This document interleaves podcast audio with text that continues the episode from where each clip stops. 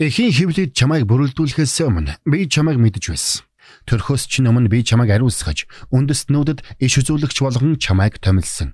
Иремья 1:5. Мэргэний сонсог мэдлэгэд хэлэг. Ухаалаг нь мэрэгэн өдрөмжийг мөн авг. Доктор Харалт цаалогийн мэрэгэн зөвлөмж нэвтрүүлэг.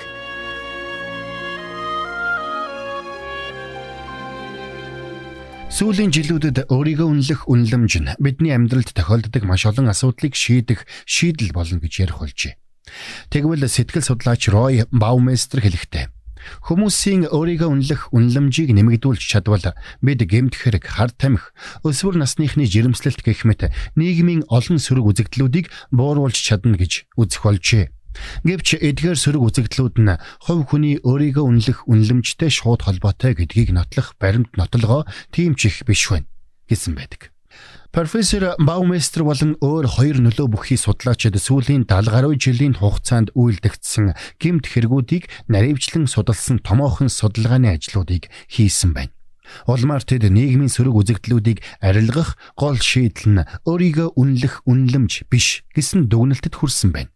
Харин ч өөрийгөө үнэлэх үнэлэмж нь хэтэрснээс болоод зарим хүмүүс илүү төрөмгий аашилдаг байна. Химэн дүгнжээ. Хэрвээ өөрийгөө үнэлэх үнэлэмж багаас болоод энэ бүх асуудал үүсдэг байсан бол өөртөө итгэлгүй, ичимхий, сэтгэл готролд автсан хүмүүс нийгэмд хамгийн их эмх замраагүй байдал үүсгэх байсан биш үү хэмээн Баумейстер үргэлжлүүлэн бичжээ. Тэдний үзэж байгаагаар өөрийгөө хэтрүүлэн үнэлдэг хүмүүс голдоо бусдад дээрэнгүү хандаж өөрийнх нь алдаа дутагдлыг хэлэх үед уурлаж бухимдан төрөмгийн авир гаргадаг ажээ. Тэгвэл өнөөдөр нийгэмд тулгараад байгаа асуудлууд нь бидний бодлоор өөрийгөө дутуу үнэлсэн эсвэл хэтрүүлэн үнэлснээс бус харин бурхны нүдээр өөрийгөө харж бурхны доторх өөрийнхөө жинхэнэ байр суурийг ойлгож чадахгүй байгаатай холбоотой гэж би боддог. Тиймээс ч хүмүүс нэг бол өөрийгөө хэтрүүлэн үнэлж, бардамнал ихэрхэл давтдаг. Эсвэл өөрийгөө дутуу үнэлж, өөрийгөө голж, сэтгэлээр унж, өөрийгөө үн цэнэгүй хэмээн голж явдаг байна. Тэгвэл энэ хоёр туйлын яг дундын цэг нь Есүс Христийн загалмай юм. Бурхан анхны хүн болох Адамыг өөрийнхөө дүр төрхөөр бүтээсэн. Ингэхдээ тэр биднийг өөрийн цорын ганц хүүтэйгээ адилхан үн цэнтэд тооцсон юм.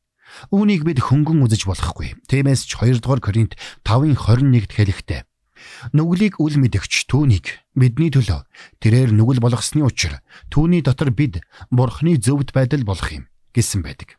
Бурхан өөрийгөө өргөмжилсөн бардамналыг буруутгал зогсохгүй. Өөрийгөө хинч биш хэмээн дорд үзэх хандлагыг ч таашаадаггүй. Учир нь Есүс Христийн оршихуй биднийг дорд нэгнээс Бурхны хүүхэд болгон өөрчилсөн юм.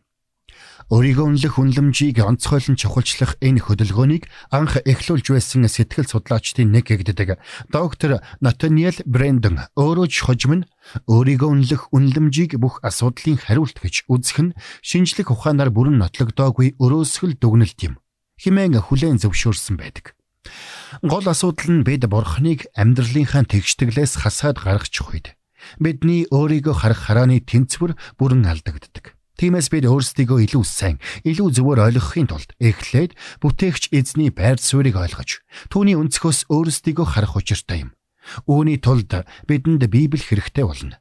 Бид Библиэр дамжуулан Бурхныг таньж мэдж, хүмүүсийг харах Бурхны харааг ойлгож мэдхээс нааш хүмүүний мөн чанарыг ойлгох бидний ойлголт хизээж тэнцвэртэй байж чадахгүй юм. Өөрийгөө хэтрүүлэн үнэлэх нь аюултай байдаг шиг. Өөрийгөө дутуу үнэлэх нь ч мөн хор хөнөөлтэй юм.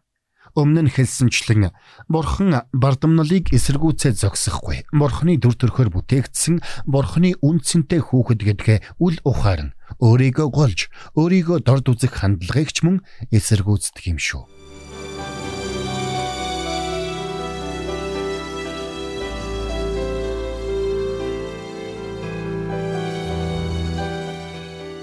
Мэргэн нэгнийг дагуул мэргэн, мулгуутай нөхөрлөл хорлол Доктор Харалт цайлигийн мэрэгэн зөвлөмж нэвтрүүлэг танд хүрэлээ.